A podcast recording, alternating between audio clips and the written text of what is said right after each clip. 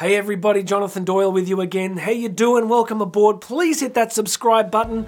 Makes a big difference to me. Hit that subscribe button whether you're listening on the podcast version or you're watching this on YouTube or Rumble. Please hit that.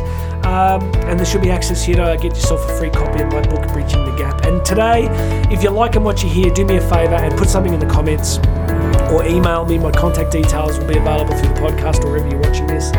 And uh, let me know how I can do some content about issues you want to hear about, right? Because the best content on the internet is is user directed. It's me creating stuff that really meets your needs. So do that. Today, we are continuing on this journey we've been on the last few episodes of the great figures of history. Today, I want to share with you a quote from Pericles. Pericles was uh, what they call the sort of the, the kind of father of the um, Athenian state. So, I, as you know, I'm teaching world history to my kids, and uh, we're, we're really focusing on the classical civilizations of the Mediterranean. And you know, we these days we think in terms of nations, but back at this time in history, it was very much about uh, city states. So you didn't think about being Greek, you thought about being Athenian, right? You were a citizen of Athens. You never remotely saw yourself as a citizen of Greece. Okay, you were an Athenian. So Pericles is kind of one of the great figures of the Athenian city state. He's involved, of course, in the great wars against um, the uh, the Persians, who were the successors of the Assyrian Empire. So, of course, he fights uh, against Xerxes, and then uh, at the end of the Persian Wars, he ends up fighting the Peloponnesian Peloponnesian Wars against the the other city state, Sparta. So, it's a great quote. Uh, you're going to love this today because it touches on some things I've been thinking about recently. So, uh, all right, friends, let's jump in there. Let's do it. Let's do today's quote from Pericles What you leave behind is not what is engraved in stone monuments, but what is woven into the lives of others. I've been thinking about this a lot lately. You know, several years ago, I gave a speech to a couple of hundred, edu- a couple of hundred educators, and I don't know how it came up, but I remember saying to them, "Look, for basically every one of you in this room, 50 years from now, somebody else is going to be living in the house that you live in." And I want to unpack that for a second because you think about your own house. It's a pretty intimate space, isn't it? Like, you know, we got a beautiful home, and uh, you know, I moved a lot as a kid, so we were really keen when we got married 21 years ago that we would put roots down and really stay somewhere, which we've been blessed to be able to do. So home is pretty intimate for us. You know, it's your space, it's your stuff, and but it's the realization that within like I'm 48, right, at the time of recording this. I don't think I'm. Maybe I make it to 98. Maybe I do. Maybe I don't. I'm pretty crazy. I do so much exercise. Maybe I will. But probably, you know, let's say I don't. So 50 years from now, somebody else is going to be living in my house if my house hasn't, you know, is still there. And the reason I said it was because the group of teachers I was talking to was in a pretty affluent city.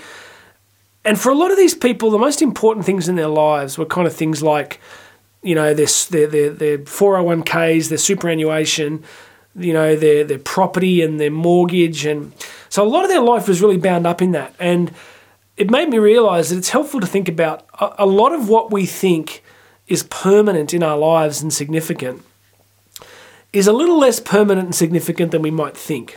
And this is what Pericles is getting to. Now, ironically, Pericles is the kind of figure of history who was engraved in stone monuments and who we are talking about, you know, two and a half thousand years after he died. But almost none of us are going to be in that in that situation. I was talking to a friend of mine down the coast two days ago. I went to visit him, and I was talking about you know my father died about twelve years ago, and I remember like growing up as a kid, like my father's in the house and all his stuff's everywhere, and he was into model trains. My father used to build these extensive, massive model train railway layouts. Right, that was his life. And now, like, I, I after he died, I kind of got that stuff in storage. But there's kind of nothing left of his life. There's a few photos and there's a few little mementos and things that, that I've kept, but all of his possessions, all of his stuff, all of the things that seemed would have seemed so permanent to him are now vanished from the world. And my mother's still alive, so of course my mother remembers my father, and my brothers and I do, and other you know there'd be a couple of other people, but there would only be a handful of people left now. Dad, my father lived, lived a pretty simple life. There'd only be a few people now left who would ever remember him. And as time ticks along, there'll just be less and less. I mean, he died when my kids, um, you know, one of my kids never met him, and, and because he died by the time she was born. So my other kids have very, very limited memories of him. So all of this is my way of saying that for most of us, within 10, 20 years of our death, there's a good chance nobody's actually going to remember us. Now, that is not everyone's just going, hang on, hang on, hang on, hang on. You're a motivational speaker. How is this helping? Right? We would like a refund. I don't find it remotely depressing. I find it really sobering. I find it very helpful. And here's why. Because we live in this culture at the moment that is massively predicated on consumption and accumulation of stuff. And it's it's massively built around brand and personal projection and being seen and consuming and having and hoarding and getting richer. And when you really think about the way life's honestly constructed, you know, my dad used to say, "There's no pockets in a shroud, in a funeral shroud, right? Like there's, there's no there's no piggy bank in in a funeral casket. Like you're not taking anything with you."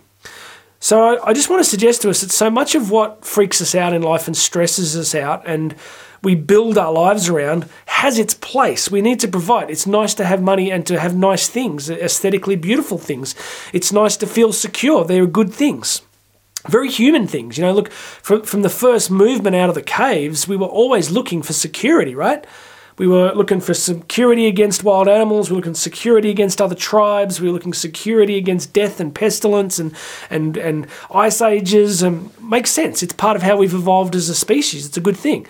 So there's nothing wrong with wanting to be successful and having security in your life. But it's worth realizing, and I'll get to the real point of what Pericles is saying, is that the most important thing in life, the biggest thing that we will leave behind is not some, you know, monument. You know, you, you, you go to cemeteries, like, you know, when I visit my father in the cemetery, you know, rich, really wealthy families build those big mausoleums, right?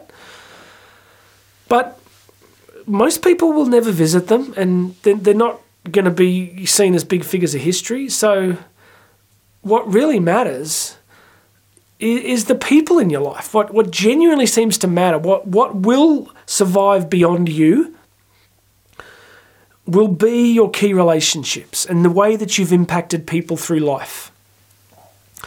So much of that is intangible, isn't it? Like it's very hard to quantify it's easier with, like, I've got three kids, right? So it's easier for me to go, well, the way that I've modeled things and taught and instructed my kids, I can see how that's probably going to live on in their lives, right? I get that. But what about all the other impacts you have and I have just day in, day out on people? We, we can't know the ways in which we are positively or negatively impacting people. You know, it's hard to know sometimes. So here's what I want to suggest I'm not saying don't have a focus on the things that you've already been focused on in your life. I get it, like success and business and career, and they're important things.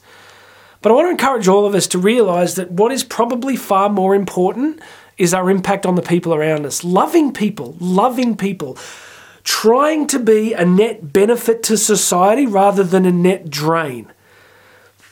Again, with my background in, in global finance, macroeconomics, you know, one of the biggest problems we face in the developed economies is we just don't have enough productive people. We don't have enough people contributing. We have a, an, an increasingly vast dependent class contributing less and less, and more and more taxation and more and more complexity, and it's going to be it's becoming already highly problematic. So it's almost as if this this law of contribution is woven through politics and economics and relationships. It's like a universal law. If we don't contribute, if we don't have a positive impact on the people around us and the wider culture, then the wider culture just becomes a reflection of all of these tiny interactions. Don't you think that's true? Like, what is our culture other than the millions and billions of interactions between individuals? the ways in which we treat people, the ways in which we look at the wars going on in the world at the moment. I mean, really, when you strip them down to their tiniest incremental level, what are they? They're, they're, they're individuals who've evolved in a particular way and made a whole bunch of particular decisions to do certain things based on, you know, more than likely not giving a great deal of consideration to what is the best for others.